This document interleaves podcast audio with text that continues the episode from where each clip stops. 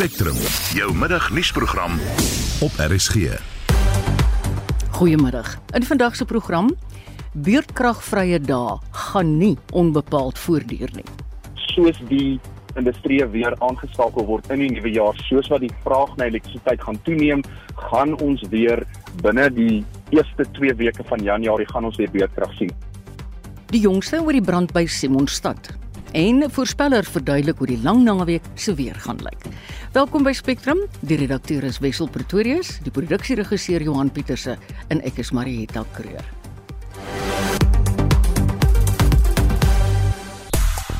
'n Protea toetskolwer kondig sy internasionale uittrede aan. Die Proteas en Bangladesh se vrouespanne bak mekaar in Benoni met 'n reeks oorwinning in sig en die Stormers en Bulls berei voor vir 'n titaniese stryd in Kaapstad.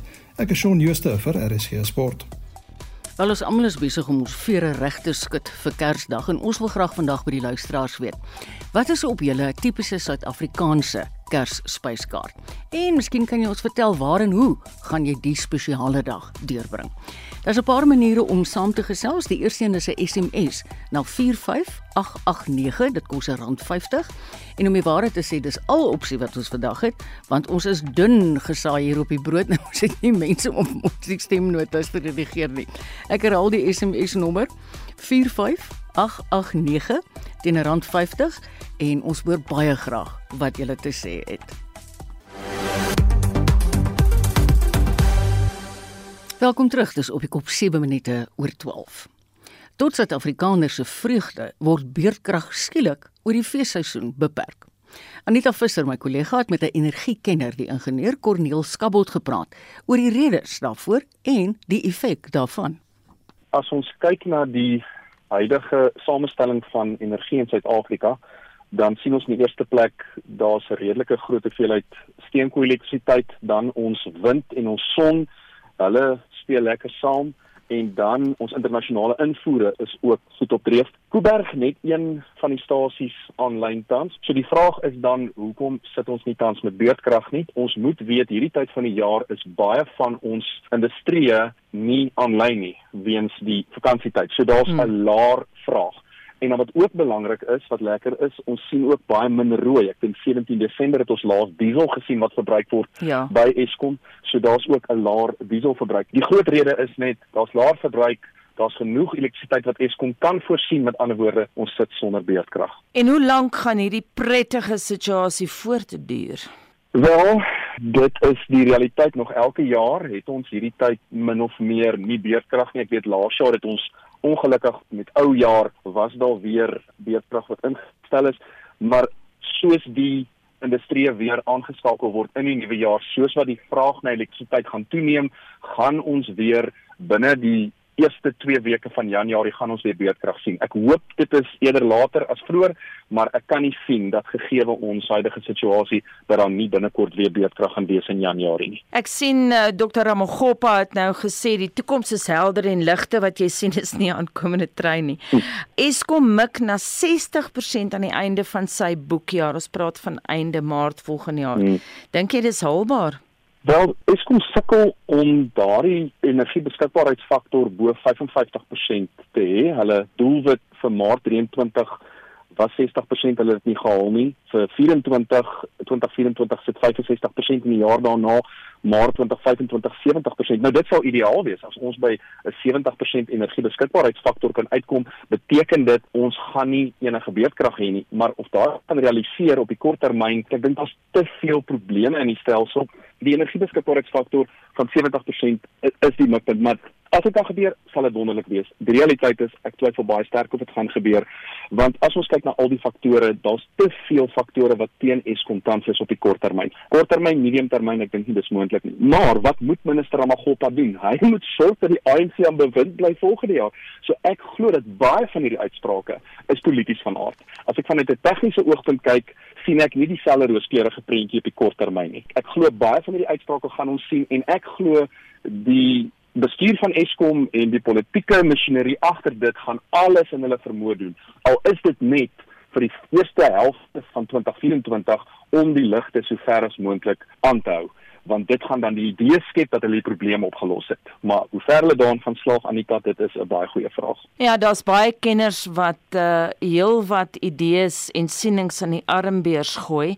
Jy het ook nou gepraat van faktore teen Eskom. Wat beskou jy as die grootste knelpunt? Daar was 'n paar ek dink sommer vinnig nou aan die model wat Eskom mee te doen het. So ons almal weet dit is redelik wyd verkondig die skuld wat Eskom het is 'n baie baie groot probleem en dan weet ons ook daar word al hierdie wonderlike populêre uitsprake gemaak wat sê dat skuld gaan afgeskryf word tot 'n sekere mate vir munisipaliteite. Nou kom ons kyk na hierdie spiraal van probleme.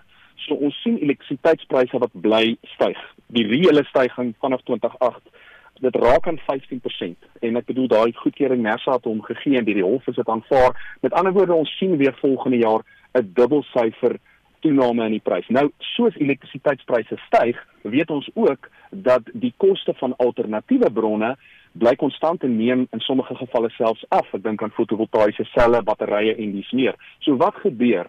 Jou betalende verbruiker, daardie porsie word al hoe kleiner en kleiner en kleiner relatief tot die wat nie betaal nie. So ek kan nie sien vanuit 'n finansiële oogpunt hoe hierdie gaan sin maak op die langtermyn. As al hoe meer wat kan betaal, hulle eie elektrisiteit opwek en die wat nie kan betaal nie, wel hulle bly op die stelsel. So daai is 'n massiewe probleem. Die ander probleem is ek dink vir die korttermyn veral ons kort opwekkingsvermoë en daai nuwe opwekkingsvermoë word te stadig tot die stelsel gevoeg en ons het dit geweet. Ons het geweet dit gaan gebeur. So dit is vir die volgende jaar of 3 is dit die realiteit. Daarna glo ek sal dit definitief draai want daar's baie privaat entiteite wat net besluit het ons sal dit self doen. Gevolglik weet ek dat hoe meer privaat entiteite daar is, hoe minder gaan daar van Eskom afhanklikheid wees. En dan aan die ander kant ons weet ook dat hoofdelik dit is ook al vir jare op die tafel dat Eskom in sy drie entiteite verdeel sal word. En sodra dit gebeur glo ek sal daar meer mededinging kan wees. Ek dink ons beste vriend vir die toekoms sal mededinging wees. Ons het mededinging nodig Anita sodat daar die laagste moontlike elektrisiteitskoste kan wees. En dit sal op die einde van die dag aan die beste belang van alle verbruikers wees en vir die land Anita as ek dalk net nog iets kan noem rakende die finansiële impak van beerdkrag. Dit is enorm en ek bedoel dit hang af wie die somme doen. Ek vat Kieswetter het vroeër vanjaar gesê die impak net op belasting en die verlies aan belasting, ons praat van 150 miljard rand. En dan is daar natuurlik as gevolg van beerdkrag besighede wat toemaak minister Ramagop het gepraat van oor die 800 000 werksverliese mm. wat daar in hierdie jaar was as gevolg van beerdkrag. So om daai spesifieke koste uit te werk, wat kos dit die ekonomie is ver meer as wat eintlik bereken kan word van ons direkte impakte en ons indirekte impakte. Nou mense ook weet, ek vat byvoorbeeld in die landbousektor en ook in die private sektor mense wat eerder geld spandeer aan alternatiewe elektrisiteitsbronne as om trekkers te koop, as om voertuie te koop. So daai weer 'n ander impak op ander sektore in die ekonomie. En wat ek net probeer sê is die bedrag, ek bedoel daar word selfs bedrag van 1,6 miljard rand word afgehaal. Dit is enorm en dis hoekom dit so krities is. Om dalk dan te kyk en te sê wat is ons koste? Wat dit ons kos om beerdkrag toe te laat? en om dan eerder te sê luister, spandeer dan liewer X bedrag geld. Maar ek dink die groot debat kom in, wat is die oplossing? En daarvoor het ons rigting nodig en daarvoor is die geïntegreerde hulpbronplan wat laas in 2019 opgedateer is. Die minister moes dit al bekend gestel het. Daardie moet so gou as moontlik op die tafel gesit word en dan wat ook al daai is, ons moet hardloop daarmee dit implementeer dat ons dit kan omdraai en die ekonomie weer in die gang kan kry. Dit sê die energiekenner Corneel Skabot en hy was met Anita in gesprek. Maar terwyl Anita besig was, is dit sommer verder gegaan. Ons noem net weer as jy die vorige bydrae gemis het, Dr. Goshenso Ramagopa het die week gesê die toekoms is helder en die ligte wat jy sien is nie die van 'n aankomende trein nie. Trouwens, Eskom mik na 60% aan die einde van sy boekjaar in Maart 2024. Maar 'n mens moet 'n gedagte hou, soos Corneels ook nou gesê, dit is 'n verkiesingsjaar. 'n Mens kan nie help om te wonder of die minister nie net besig is met politieke ry nie. Anita het hierdie einste vraag gestel aan Herman Pretorius van die Instituut vir Rasseverhoudinge. Absoluut. Ek sou sê dat een van die drie groot vrae oor die verkiesing is die kwessie van beerdkrag. Die Social Research Foundation het in Mei 2023, Mei hierdie jaar, meningspeilings gepubliseer wat aangedui het dat 4 uit 10 van ANC kiesers, hierdie is nou ANC kiesers waarvan ons praat. 4 uit 10 ANC kiesers glo dat beurtkrag hulle persoonlik negatief geaffekteer het en hulle laat heroorweeg het of hulle vir die ANC gaan stem. Uit daai 4 uit 10 is tussen 20 en 25% van mening dat hulle nie vir die ANC sal stem nie mits die ANC nie beurtkrag voor die volgende verkiesing oplos nie. So een uit elke 10 ANC kiesers, 10% van die ANC se kiesers oorweeg dit sterk om die party te verlaat as beerdkrag nie voor die volgende verkiesing opgelos is nie. Herman is beerdkrag die verkiesing se grootste vraagstuk. Definitief. Dit is een van drie groot vraagstukke, maar hy is volgens my definitief nommer 1. Die tweede vraag is verbonde aan die beerdkrag en dit is wanneer die verkiesing plaasvind. As dit 'n Mei verkiesing is, soos wat baie van die politieke partye voor voorberei, dan het die ANC dalk nog 'n bietjie tyd en 'n bietjie begroting om om die beurtkragskedule te manipuleer sodat die verkiesing plaasvind tydens 'n lae vlak van beurtkrag. Maar as die verkiesing uitgestel moet word as gevolg van die OVK se logistiese oorwegings, dan kyk mens na 'n winterverkiesing. 'n Winterverkiesing is tradisioneel sleg vir regerende partye omdat almal 'n bietjie kouer en hongerder en vieser vir die wêreld is, maar ook natuurlik beurtkrag speel daar 'n rol. So jy sit jou vinger absoluut op die pols. Beurtkrag is die vraag. Dit sny reg deur die Suid-Afrikaanse kiezer se siegel of jy ryk is of jy arm is of jy wit is of jy swart is, township, stedelik, voorstedelik, jy word daardeur geraak. Enige raad vir die regering kan hulle nog 'n haas uit die hoed trek? Wel Mervyn King die Downey die Suid-Afrikaanse Mervyn King nie Lord Mervyn King die 'n vorige goewerneur van die Bank van Engeland het al vir mense gesê sy eerste advies vir mense in 'n krisis is ek sou nie hier begin nie.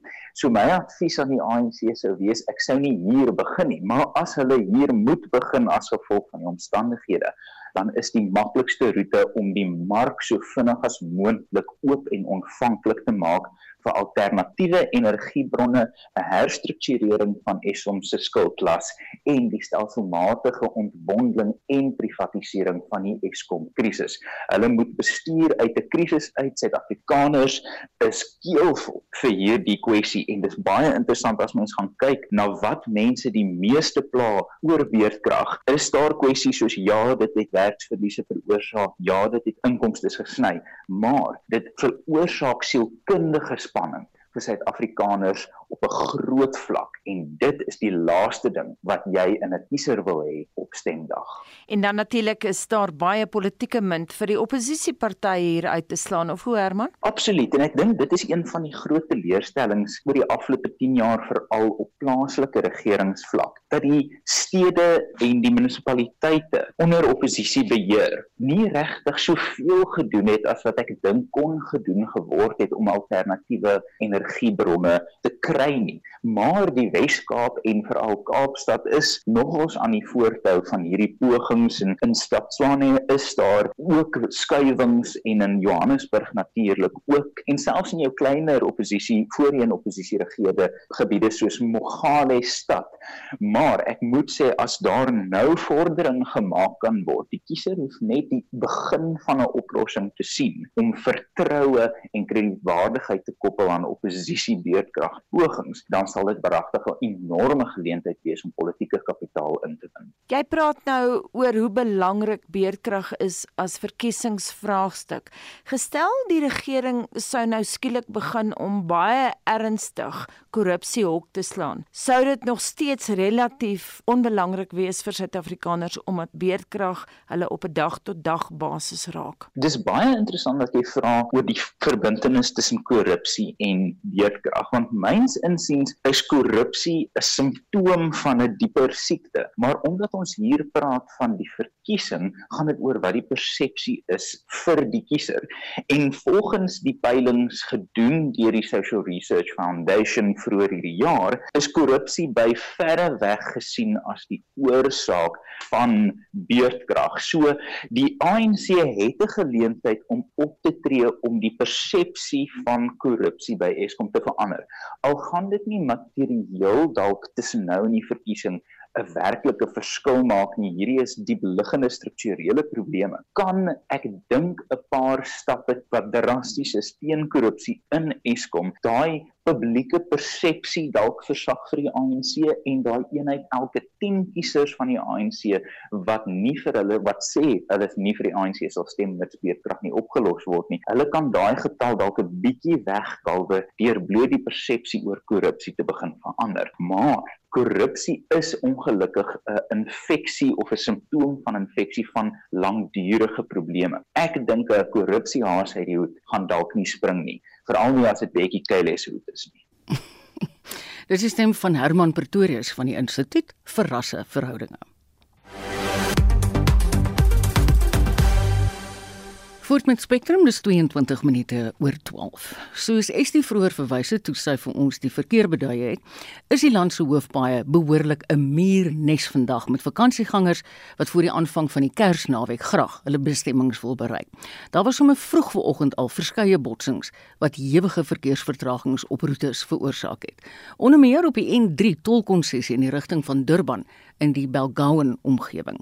Ons praat nou met die bedryfshoof vir die N3 roete Tanya Dugra. Good afternoon Tanya. Hi, good afternoon, Marietta, and good afternoon to your listeners. Has the N3 in that area of Belgauen been reopened? Yes, it was opened quite a while ago, oh, actually. Oh, Traffic is flowing through that scene, and at the moment, there's no disruptions on the N3 toll route. But I am advising road users that with these high volumes of traffic we're seeing on the route, that they must please expect that it, there will be congestion and they won't necessarily move as fast as they would like to. Talking about high volumes, can you give us a vague uh, idea what's going on via the toll gates? Well, in the last hour, we processed in excess of 1,700 hmm. vehicles mm. heading southbound towards Durban. Uh, we've been seeing high volumes pretty much most of the day from about four o'clock this morning already, and it's it's been steadily increasing to about oh. these highs. Mm. But we are also seeing northbound highs in excess of 1,100 vehicles mm. an hour. So there's a lot of traffic on the yes. route. That's very interesting, Tanya. Any serious accidents? Fortunately, at the moment, nothing. The route is clear, and like I said, no disruptions to traffic from any crash scenes perspective. Have you seen any serious traffic violations? Nothing that I've observed myself, fortunately, but I I can attest to the fact that that is largely as a result of the increased police presence that we're seeing on the route. Right. They are definitely maintaining a heightened visibility, a number of stop, stop and search uh, initiatives being conducted, a number of roadblocks. You know, so they're definitely taking safety and security on the route very seriously this re- this year. Um, I'm hoping it's also because our road users are doing their bit to help ensure that themselves and and everybody else on the route is are safe. Any incidents of drunken driving? Unfortunately, nothing that has that I have available to report on, uh, but I'm sure that the law enforcement authorities will be able to assist yes. with that kind of information. Yeah, as we always. Um, what say- I do. Mm-hmm. Sorry, what I do want to say though is we we do have an advisory about the weather um, with the potential for thunderstorms that the okay. SA Weather Services have alerted us to. So, you know, just reminding road users to please drive defensively and reduce their speed limits if it's uh, and and adjust their driving style to the to suit the prevailing conditions, and to advise them to follow us on N3 Route on X, where they'll get the latest updates about the route. Thank you, Tanya. I always say when speaking to you, it's normally a long weekend or a holiday. then we all work at our hardest. So I hope you have a good weekend and a good Christmas. Dit was Tanya Dugra en sy is die bedryfshoof van die N3 tolkonsessie. Klink my sy's reeds weg. So bly by verkeersake skuif nou die fokus na die N1 en 4 Bakwena tolroete. Ons praat met die kommunikasiebestuurder van die tolkonsessie, Shamaine van Wyk. Hallo Shamaine. Hi, good afternoon. Please tell us about your traffic volumes at the moment on the N4. Well, um, basically the N1 and N4, we've actually had very busy, busy conditions since around about five o'clock this morning. So currently we're looking at over 2,200 vehicles per hour northbound um, on the N1 through Pumalani toll. Mm-hmm. And the N4 west, um, eastbound also coming into Pretoria is also quite busy. We're looking at 1,700 vehicles per hour and outgoing up to Rustenburg is just over 1,200 vehicles per hour. So the numbers are definitely picking up and um, getting very busy along the entire route. On the N1 from Johannesburg direction Cape Town, what does it look like? Um, that's not one of the routes that we manage. Oh, um, I see. We Okay. manage, um, the, yeah, uh, we manage N1 up to Polo, um, not Polokwane, Kwani, um, sorry, it's Bella Bella. We manage up to there. Yes. and okay. um, we've actually had no incidents um, reported, but northbound we have just received something in um, just before Pumalani Toll Plaza. We're still waiting for more information about a crash that has actually just occurred a few minutes ago. Okay, I'm sure we will have it in our news bulletins. Thank you so much, Shamaine. Ons het gepraat met die kommunikasiebestuurder van die N1 en 4 tolkonsessie Shamaine van Wyk. In die Weskaap op die Prins Albertpad tussen Lyngsburg en Leeugamka was daar vroeg vanoggend 'n ernstige botsing tussen taksies en die pad was 'n geruime tyd vir verkeer gesluit vir die toneel om opgeruim te word. Ek verbeel my in ons 12 uur nuushooftrekker het hulle gesê dit is steeds die geval. Nou dit uiteraard het groot verkeersvertraging vir motoriste in die omgewing veroorsaak. En nou vir die jongste situasie praat ons met die Wes-Kaapse minister van mobiliteit, Ricardo McKenzie se woordvoerder Rebecca Campbell. Good afternoon Rebecca. Good afternoon, Marietta. When we spoke to Minister Mackenzie in Monitor this morning, he couldn't reveal any details of this particular accident yet. Can you please confirm how many people died, how many injured? Yeah, Marietta, it was a very disheartening start to the long weekend, and there were actually multiple crashes in the central Karoo this morning. So we had two on the N1, and there was also one on the R61. Um, and all of those involved minibus taxis, some of them carrying passengers. So the preliminary reports are that five people died in these incidents. Um, there were four people in the one incident, and then one person in another one. Um, and there were also a number of people who were injured to varying degrees and have been taken for treatment at hospitals. Um, but it was a very disheartening start, as I Mm. said, to the long weekend. And our heartfelt condolences have gone out to those families who are now grieving their loved ones. And, you know, to the people who were injured and traumatized, we also wish them a speedy recovery. Rebecca, I know your department puts a lot of emphasis on drunken driving. How many people have been arrested since the festive season started? It's 232 people, and that's up until yesterday. Um, but you know, the thing is, that's the people who've been arrested, who've been caught, and um, that's that's the issue that we're dealing with. That it's just so you know, there's there's a number of people on the roads who are just not taking care and not following the very simple guidelines that we all know are what keep people alive and get everybody home safely. Um, so the ones that have actually been arrested by our provincial traffic officers, um, up until yesterday, it's 232. Shemaine, the roads that you referred to earlier on, like in the Karoo, have they all been opened yet again? Yes, so the N1 is open and traffic is flowing. Okay.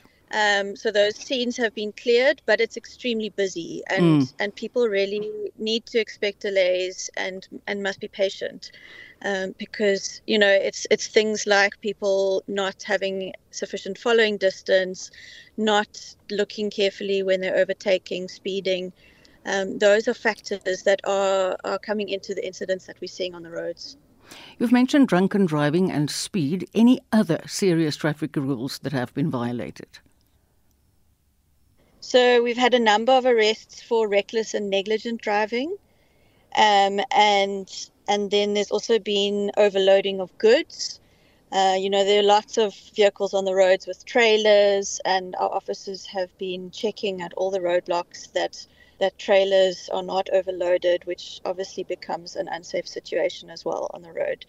And also a number of um, arrests made for people in possession of fraudulent documentation um, and and that's part of you know making sure that especially with the public transport operations um, that everybody who's on the roads has actually got the right um, documentation and Yes. licensing to be there. Am I correct in saying that we normally find pedestrian orientated accidents in the Western Cape rather high? Absolutely, yeah. So since the beginning of the month, of um, the fatalities that we've had on our roads in the Western Cape, over 30 of those were pedestrians. Mm. And we know that pedestrians are so vulnerable, um, you know, with, with the number of people who are driving under the influence of alcohol and, you know, driving recklessly. Anybody walking close to the roads, close to the highways, is is seriously vulnerable at the moment. Um, so it continues to be an issue, um, and we're really asking everybody to just look out, be aware of pedestrians, and for those who are walking along the highways to um, please wear visible clothing.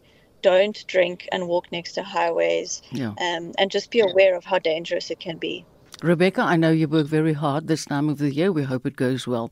Dit was die woordvoerder van die Wes-Kaapse minister van mobiliteit, Ricardo McKenzie, en sy is Rebecca Campbell. Jy luister na Spectrum.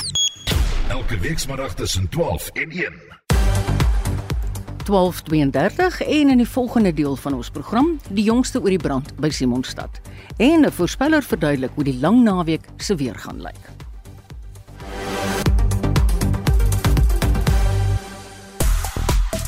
Ons vraag verhoor was wat met plan julle vir julle Kersfees spyskaart? Nou Frans van Randfontein laat weet man, ek en die ou vrou blou maar net tuis want geld is baie skaars. Piet van Prieska sê braaivleis en slaai is op sy spyskaart. En Wolfkop van Boesmanland skryf op hulle spyskaart is die volgende. Wag nou, julle gaan dit nie glo nie. Skaapbout, beestong, gerookte varkvleis, curry pasta slaai, gestolde wortel en komkommerslaai, koekstruif en roomys. Ek beskou dit Wolfkop as luks en Helen Miller van Dwarskersbos sê hierdie is wat sy gaan voorberei. Ook 'n gammon, die gerookte varkvleis, 'n skaapbout, groen bone slaai, soetpatats, rys, gebraaide aardappels en nagereg. Jenning weer eens buitengewoon luks. En hier's een van ons luisteraars met 'n stemnota. Kersdag werk ek. Party mense kan mos nie die wette gehoorsaam wees nie. Dan klim hulle baie slim agter die wiel in en veroorsaak ongelukke en dan moet ons daar wees vir die skuldiges en die onskuldiges. Ja, Kersdag werk ek. Elby Olivier uit Birmingham in Engeland. Ek bied vir die Engelse en Suid-Afrikaanse Kersfees ete aan op die 24ste. Ek is Stenswol van Stellenbosch, Groeteswil. Ek gaan Kersfees by my oudste neef sakkie eet met sy vrou en sy kinders, lieflike lieflike mense.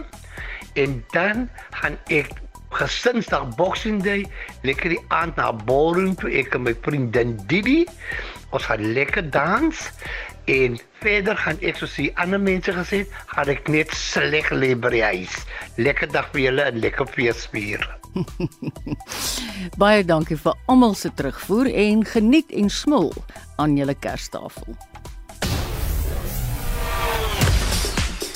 En nou is dit tyd vir Shaun Jooste met vandag se sporthoogtepunte. Shaun. Ons begin met cricketnuus. Die Protea Kolwer Dean Elgar het sy internasionale uittrede na voltooiing van die tuistoetsreeks teen India aangekondig. Elgar het Suid-Afrika tot dusver in 84 toetse verteenwoordig en ook in 8 eendagwedstryde vir die Proteas gespeel.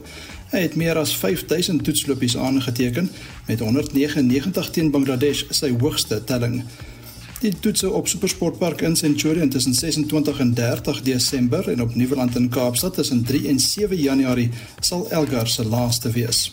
Die vroue Protea span en Bangladesh pak mekaar vanmiddag van 2 uur af op Bodomo Park in Benoni in die beslissende wedstryd van hulle eendagreeks. In die Verenigde Rugby Kampioenskap is daar slegs een plaaslike derby vir Suid-Afrikaners hierdie naweek. Dit is die Noord-Suid derby tussen die Stormers en Bulls by die Kaapstad Stadion. Die Stormers spog met 'n 6-0 rekord teen die Bulls en met meer as 10 Springbok-spelers in die twee spanne beloof dit om 'n titaniese stryd te wees. Die wedstryd skop môre aan 7:00 af. Kom ons kyk na 'n paar van die groter wedstryde wat die naweek op die sokkerveld voorlê. In die DStv Premier Liga speel AmaZulu vanaand half 8 teen Cape Town Spurs, môre middag kwart voor 6 SuperSport United teen Orlando Pirates en sonoggmiddag half 4 Cape Town City teen Mamelodi Sundowns. In die FIFA Klub Wêreldbeker takel Manchester City van Engeland en Fluminense van Brasilië mekaar vanaand 8uur in Saudi-Arabië. En in die Engelse Premier Liga kom West Ham United môre middag 0:30 teen Manchester United en Tottenham Hotspur 5uur teen Everton te staan. Liverpool en Arsenal meet 0:30 en Wolves en Chelsea Sondagmiddag 3uur kragte. En laastens die tweede weergawe van die Wêreld Tennis Liga het gister na Abu Dhabi afgeslaan. Dit is 'n vertoontoernooi wat uit 4 spanne van 4 spelers elk bestaan. Elke wedstryd bestaan uit 'n mans en vroue enkel en dubbelspel asook 'n gemengde dubbelspel wedstryd. Die top 2 spanne dring deur na Sondag se eindstryd. Van die groter name in die toernooi sluit die mans wêreldnommer 3 Daniel Medvedev van Rusland en nommer 6 Stefanos Tsitsipas van Griekeland en die vroue nommer 1 Iga Swiatek van Pole en nommer 2 Aryna Sabalenka van Belarus in. Die Falcons het die Hawks gister 27-24 en die Kites die Eagles 27-22 geklop. Die Hawks speel vandag teen die Kites en die Eagles teen die Falcons. Dankie, dit was Shaun Jooste van RSG Sport. Is 21 minute voor 1. Die dinge wat 'n mens baie keer as 'n vakansieganger doen, of jy nou met jou hond gaan stap op die strand of na 'n visvangwaters toe gaan met 'n 4x4 of 'n viertrekvoertuig. Baie keer rig 'n mens sonder dat jy dit eers weet, heelwat skade aan die omgewing aan. So hoe moet 'n ou maak om die omgewing nie te benadeel nie? Marlenae Forsie het gaan hoor hoe 'n mens lekker vakansie kan hou en terselfdertyd deel kan wees van die oplossing. Kom ons begin by diere op die strand. Pikkewyne, robbe, selfs seeskilpaaie.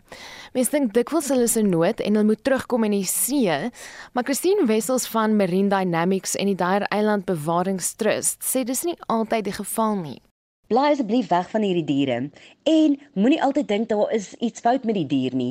Ons kry vreeslik baie navrae oor robbe of van die rob lê en dit lyk of die rob dood is. Baie kere het hierdie rob vreeslik ver geswem. Hy is dik geëet en hy lê en slaap in die son. Maar maak ook seker by jou toerismekantoor of by jou inligtingseentrum of by die munisipaliteit by wie kan jy wel as daar 'n probleem is soos 'n pikkewyn of 'n rop wat verstrengel is in vislyn, waar kan jy dit aanmeld? Sy sê in die Oeverstrand kan jy spesifiek uitreik na die Oeverstrand Stranding Committee. Ons het 'n groep waarop mens byvoorbeeld 'n rob wat in gevaar is of wat regtig siek is of wat verstrengeld is of 'n pikkewyn of 'n walvis of enige so noodgeval kan aanmeld. Die NSRI is ook deel van hierdie groep en dan sal een van ons uitgaan om te help. As jy wel oorstrand toe kom, wil ek baie graag hê dat jy die telefoonnommer moet op jou foon sit Dit is vir die African Penguin and Seabird Sanctuary vir al vir as jy 'n Afrika pikkewyn optel of enige seevoël optel wat byvoorbeeld beseer is en ons Penguin Rescue Line nommer is 072 598 7117. So dis nou spesifiek vir as jy oor strand toe kom, Pearly Beach, Gansbaai, onder 'n sandbaai, as jy Afrika pikkewyn of 'n seevoël sien, is ons telefoonnommer daarvoor 072 598 7117. Ons gee weet aan die einde van die program daardie nommer, so hou jou selfoon byderhand as dit iets is waarin jy belangstel. Dan is daar die teerpunt van voertuie op die strand. Dit word in die meeste gevalle verbied. Dis teen die wet. Maar waarom mens tog op die strand kan ry, kan hierdie gebruik om bo die watermerk te ry tog beteken dat uiters skaars voëlspesies uitgewis word. Hoekom? Baie van ons voeltjies se strandlopertjies en tobies. Dis waar hulle broei, dis waar hulle eiertjies lê. Hierdie tyd van die jaar is daar die piepkleinste tobies en strandlopertjies op die strand wat jy moet so fyn kyk om hulle raak te sien. Hulle is so piepklein. As jy regtig op die strand moet ry, doen dit ongelooflik stadig. Kyk uit. Sê vir wie saam met jou ry, jy kyk links agter, ek kyk regs voor, jy kyk links voor en jy kyk aan die agterkant. Maak seker dat jy oral 'n oog hou op enige diertjie wat daar is wat broei of wat kleintjies het. Dit is 'n absolute ekosisteem op sy eie en dit is nie 'n pad nie. So as jy nie hoef nie, asseblief probeer strande vermy en hou dit absoluut net vir noodgevalle. En dan is daar vislyne. Ons sien dit baie by die African Penguin and Seabird Sanctuary, pikkewyne wat verstrengel raak in die vislyn en wat 'n vlerk verloor of 'n voet verloor of 'n toon verloor. Ons sien dit om robbe, ons sien dit om walvisse, ons sien dit om haie. En dis 'n verskriklike taak om 'n haai of 'n rob in die see te vang om 'n stuk vislyn te probeer afhaal. En so gepraat van goed wat op die strand agtergelaat word. Jy sal dit nie glo nie, babadoeke. Mense los eenvoudig hulle babadoeke net daar, langs die drom met 'n klip op. Asseblief, neem jou baba doek saam met jou huis toe. Jy het besluit jy wil 'n kind hê, neem daai doek saam met jou huis toe en gaan gooi dit in die drom. Vir diegene wat omgee om die strand rommelvry te laat, het wessels ook raad. Asblikke word nie daagliks skoon gemaak nie, so gooi maar eerder jou botteltjies en sakkies in die asblik by die huis om te keer dat dit in die see beland. Intussen is dit kormoranseisoen, so as jy op die see wil uitgaan, moet jy ook op die uitkyk wees daarvoor. As jy besluit om met 'n bootjie uit te gaan, stadig ry. Kyk uit vir voëls. Nou wat die kormorante swerms oor die water trek in die oeverstrand, is ongelooflik mooi om te sien. Ry stadig. Die voëls en die see diere het definitief voorkeur en mag eers te gaan. So die bote moet eers wag. Dit was Christine Wessels van Marine Dynamics en die Dyer Eiland Bewaringstrust. Marlene Forsie, SAK nuus. Ons het in ons hooftrekke net nou genoem, ons gaan die jongste nuus gee oor die brand by Simonstad en wat daar aangaan. En ons sou met Jermaine Karel se praat, maar ongelukkig is hy op die oomblik besig met 'n groot media konferensie. So ons kan nie met homself praat nie, maar ons gaan aanhou probeer tot die einde van die program. Maar ons wil graag iets anders oorgesels. En dit is nou 'n vlieënier wat sy gespesialiseerde vaardighede en helikopters inspan om te help om hierdie brande te blus. Ons praat met die helikoptervlieënier en eienaar van Leading Edge Aviation in Mbombela, Mark Jackson. Good afternoon, Mark. Good afternoon, it's you. You are primarily using two helicopters in this specific case to fire extinguish the operations. Tell us what what are they? Uh, what we do is we, we were working with uh, the Cape Winans District Municipality with two Hueys. And we working alongside Kashuga with the Black Hawk helicopter. So oh. we, we all working as one big team. Yes. What is the volume of water you can take every time? The the hawk is using two and a half thousand liters per drop, and the Hueys are, are about a thousand liters a drop. It must be fascinating, Mark, to work out when to drop the water. Yeah, I think it really just comes with practice, and uh, it, it really is like any skill. You know, if you do it and practice hard enough, it it becomes like a second instinct. Mm. Um, certainly, I'd far rather be in a helicopter than trying to put a fire out on the ground. We, I think we have a much easier job. Mm-mm. Yeah, I have to agree with you there. How many of these air expeditions have you had in your life? Well, I've been doing this my 18th year fighting fires in South Africa, and uh, so it's been it's been a, a, a, big journey, but it's been a it's been great fun. It's it's wonderful to work with other pilots, um, other companies, and uh, people on the ground. You know, we only as strong as the people that support us. So. Mm as long as we've got people supporting us on the ground and you know the public supports us tremendously um, it's it's a it's a it's a wonderful profession. If there's going to be a problem, it's a, it's a good profession to have where you can actually make the difference between having your stuff and not having it. It's, it's a wonderful feeling. I can imagine it must be very fulfilling. Mark, you are based in Nelspruit, but you assist to extinguish fires all over the country. Is that right? Well, primarily, um, our home base is uh, in Mpumalanga in Nelspruit, or Mbombela as uh, they call it. And uh, so that's, our, you might say, our head office. So during the winter months, we, we assist uh, with the forest fire mm. protection there. And we work with a number of uh, role players in the timber industry. And then we've we now also work and have been coming up and down for a very a great many years. So we spend summer here helping the folks here, and right. then at the end of May we go back home, and then we work there. So we're kind of working in the two best towns or areas in, in the country, as yes. far as I'm concerned. Make us green, make us green, since we're all working.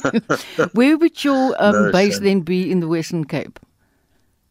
We based at Stellenbosch. It's basically our, our, home from home, and uh, we've got a, a, wonderful community here. Right. We we've uh, been working here for quite a number of years, so uh, yeah, Stellenbosch. We we we live in Somerset, so when there's a call like we've had the last yes. few days, we mm. literally mm. within 15 minutes we from the house to the choppers. Fantastic.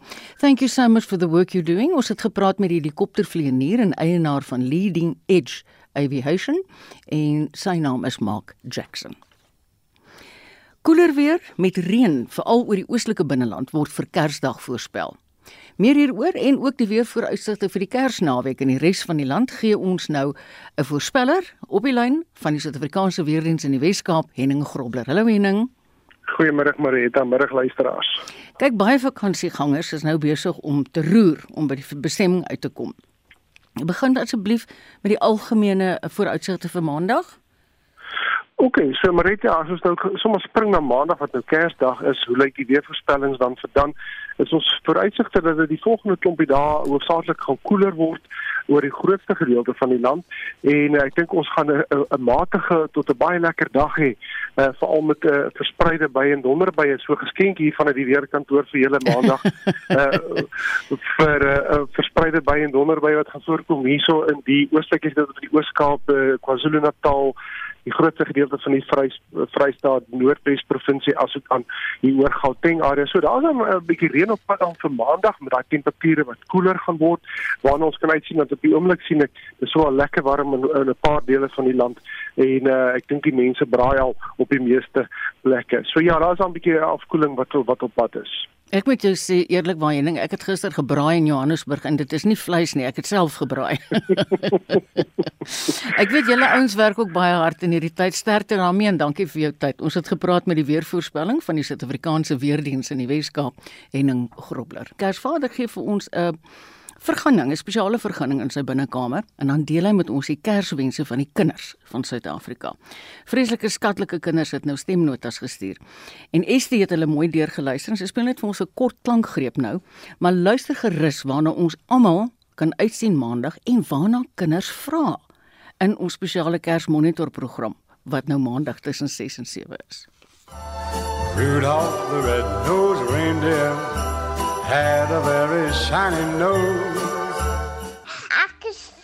Ek is 4 jaar oud, maar my naam is Zailin en ek soek 'n Barbie pop wat in my pophuis regtig kan loop. It's beginning to look a lot like Christmas. En dan sê Kersvader, is daar elke jaar die boodskapies wat sy hart ekstra warm laat klop. Ek is Mikaela Pretorius en ek is 7 jaar oud. Vandag stuur ek 'n boodskapie vir Kersvader. Dankie vir die oulike afs wat Kersvader stuur en die persente. Love dit. A pair of hop-along boots and a pistol that shoots is the wish of Barney and Ben. Ek is Estie de Klerk. Geseënde Kersfees aan ieder en elk. Mom and dad can hardly wait for school to start again. It's beginning to look a lot like Christmas everywhere. Die 18-jarige Kamogelo Makgato van Polokwane in Limpopo is pas as mevrou tiener heelal Suid-Afrika gekroon. Makgato sal Suid-Afrika volgende jaar op die internasionale verhoog verteenwoordig. Estie het vir ons die besonderhede. Kamagelo Mokhato van Bendor in Polokwane is opgewonde oor haar nuwe titel. Me winning this title being the biggest title I've ever won in my whole life and it being the second biggest pageant in the whole of South Africa, it just shows me that I'm actually in the right place and it just puts my my province and my family, my community on the map because that way they're able to accept and appreciate the crown as their own and not mine alone. Sy gaan Suid-Afrika by die mevrou Tiener heelal kompetisie in die Dominikaanse Republiek in April volgende jaar verteenwoordig. Competing internationally is big. So we will hope to bring it back to South Africa, but even if I don't, I'm just happy that you know I have this opportunity to go overseas and represent South Africa, not only Limpopo, not only Polokwane, but the whole of South Africa and just showcase what South Africa has in terms of talent because I think a lot of countries look down on South Africa and they don't understand the stars that we produce from this country. Makato wil 1 miljoen rand insamel om minderbevoorregte leerders toegang tot tersiêre onderrig te gee. These bursaries will be given to deserving learners that have top-notch marks in high school but they don't have the means, financial means to go to university or higher education. So I want to change that because my main initiative is equal opportunity for all and I want everybody to have the experience of going to, you know, higher education. Die jong skoonheidskoningin wil sielkunde studeer en gaan dalk in die toekoms aan die Mevrou Suid-Afrika skoonheidskompetisie deelneem. Die verslag is saamgestel deur Awapani Munyahi. Ek is Estie de Klerk vir SAK nuus. Ja, dis die einde van ons Spectrum uitsendings. Ons is terug op die 8ste Januarie met die middaguitsendings. Monitor gaan deur tussen 6 en 7 in die oggend hier in die vakansietyd. Ek is seker ek kan namens Susan Paxton ook praat en al ons produksiepersoneel. Dit was 'n voorreg om hierdie jaar Spectrum aan al die luisteraars te bring. Namens Nicoline Lou, Wessel Pretorius, Johan Pieterse en myself, Marita Kreer, ek hoop julle het 'n geseënde tyd wat voorlê. Nou gaan ons oor na 360.